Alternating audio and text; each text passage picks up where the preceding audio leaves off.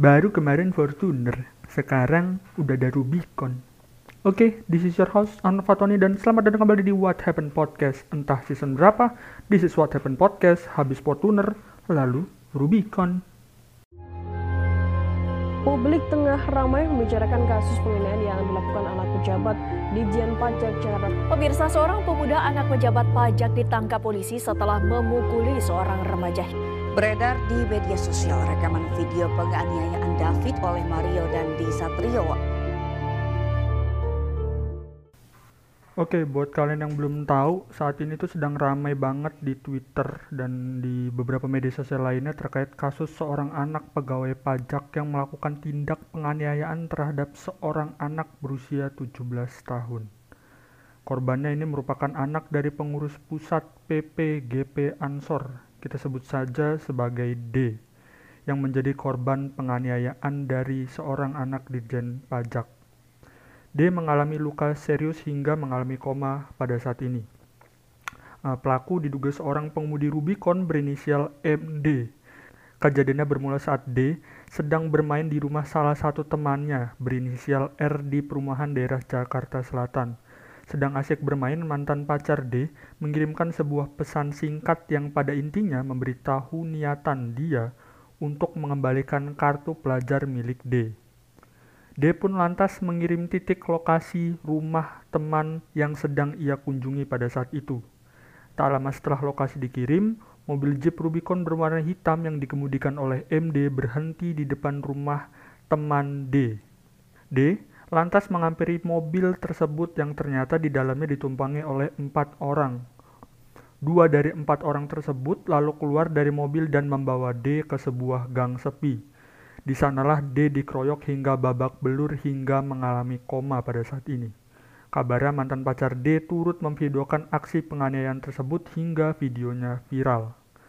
Cuman uh, setelah dilakukan penyelidikan ternyata yang memvideokan itu katanya bukan uh, dari mantan pacar D, melainkan teman dari MD. Jadi yang melakukan video itu memvideokan teman dari MD. Sumpah ya ini videonya tuh benar-benar kejam dan menyakitkan amat sangat menyakitkan kalau kalian lihat videonya itu rasanya sakit banget palanya dipijak itu sampai tubuhnya tuh kayak bergetar gitu loh pas dipijak pala bagian belakangnya diinjak ditendang bagian yang dipukul tuh masalahnya bagian yang rawan bagian belakang kepala yang kalau misalkan kalian pukul itu bisa menyebabkan kematian atau cacat permanen. Bahkan makanya kalau misalkan ditinju-tinju atau di adegan-adegan MMA itu nggak boleh tuh mukul bagian belakang karena efeknya itu parah gitu.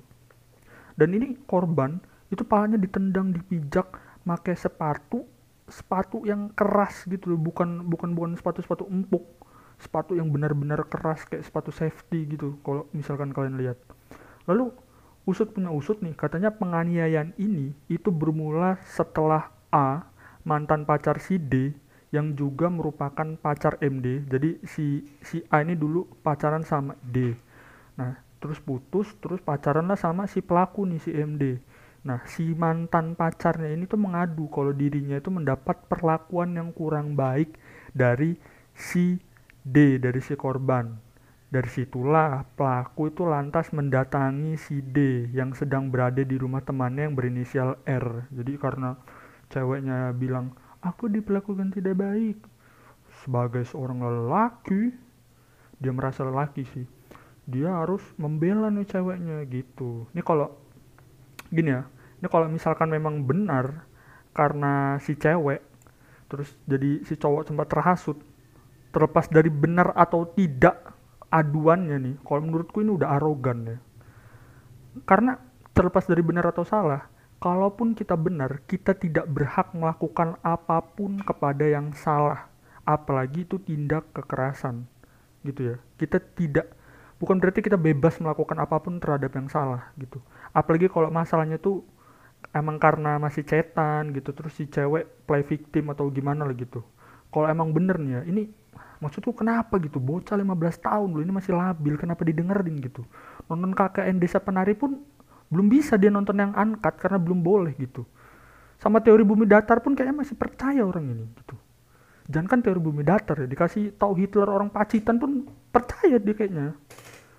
Maksud lu kenapa kenapa sebegitu arogannya gitu dan saat ini nih ya karena kejadian ini korban si D itu mengalami diffuse actional injury yang mana diffuse actional injury itu kata uh, seorang dokter bedah yang bernama Asam Ibrahim Jainal yang menuturkan bahwa DAI ini termasuk cedera kepala yang amat parah. Kondisi ini itu terjadi uh, karena ada benturan benda tumpul yang amat sangat keras pada kepala kita. Makanya bisa menyebabkan koma gitu.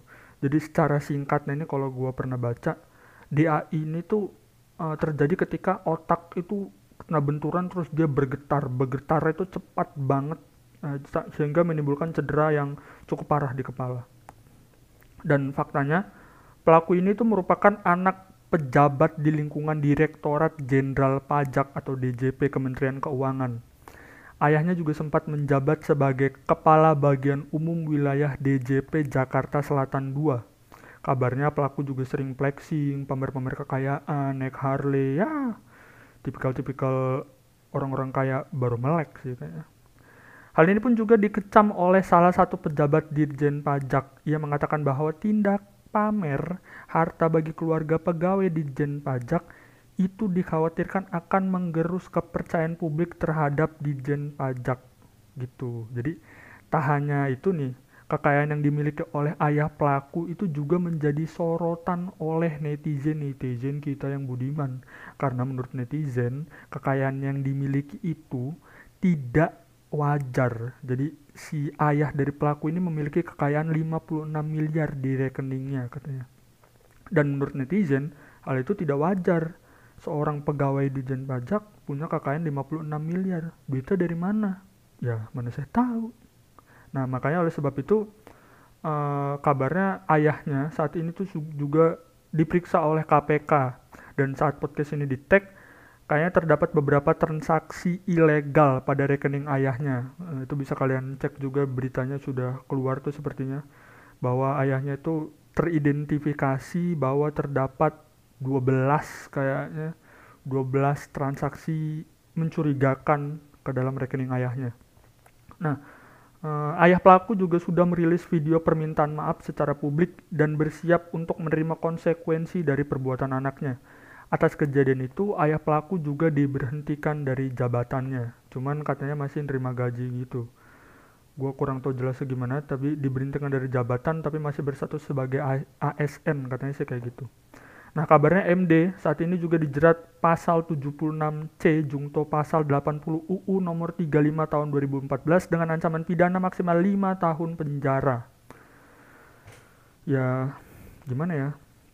Dia sudah melakukan tidak kekerasan, arogan, keroyokan, dan yang dia lakukan pun salah gitu menyebabkan orang lain menderita gitu. Masalahnya orang 22 tahun menganiaya anak umur 17 tahun yang mana dari postur pun dia sudah beda gitu dan ayah dari korban pun uh, tetap ingin melanjutkan uh, kasus ini ke dalam ranah hukum ya ya wajar sih ya anaknya damn bro. Anaknya dengan kondisi seperti itu ayah mana yang nggak sedih marah gitu? Dengan kondisi anaknya yang seperti itu gitu. Keceriaan pun mungkin udah sirna gitu dari anak terbaring lemas gitu. Cuman kita hanya bisa berdoa semoga korban saat ini bisa diberi kesembuhan bisa diberi kesehatan dipermudahkan dipercepat diangkat penyakitnya gitu dipercepat kesembuhannya supaya bisa beraktivitas kembali lagi. Dan semoga tidak ada sesuatu hal yang berat yang menimpa korban setelah ini. Dan untuk teman-teman janganlah arogan ya. Karena walaupun kita berada di posisi yang benar kita tidak berhak melakukan apa pun kita tidak bebas untuk melakukan apa pun terhadap yang salah kata Panji sih gitu. Dan itu memang benar ya. Bukan berarti kita benar kita bebas melakukan apa pun kepada yang salah. Oke sekian podcast kali ini. This is your host Anu Fatoni dan see you in the next podcast. Tetap jadi orang penasaran, jangan lupa. Mau beli Rubicon dah.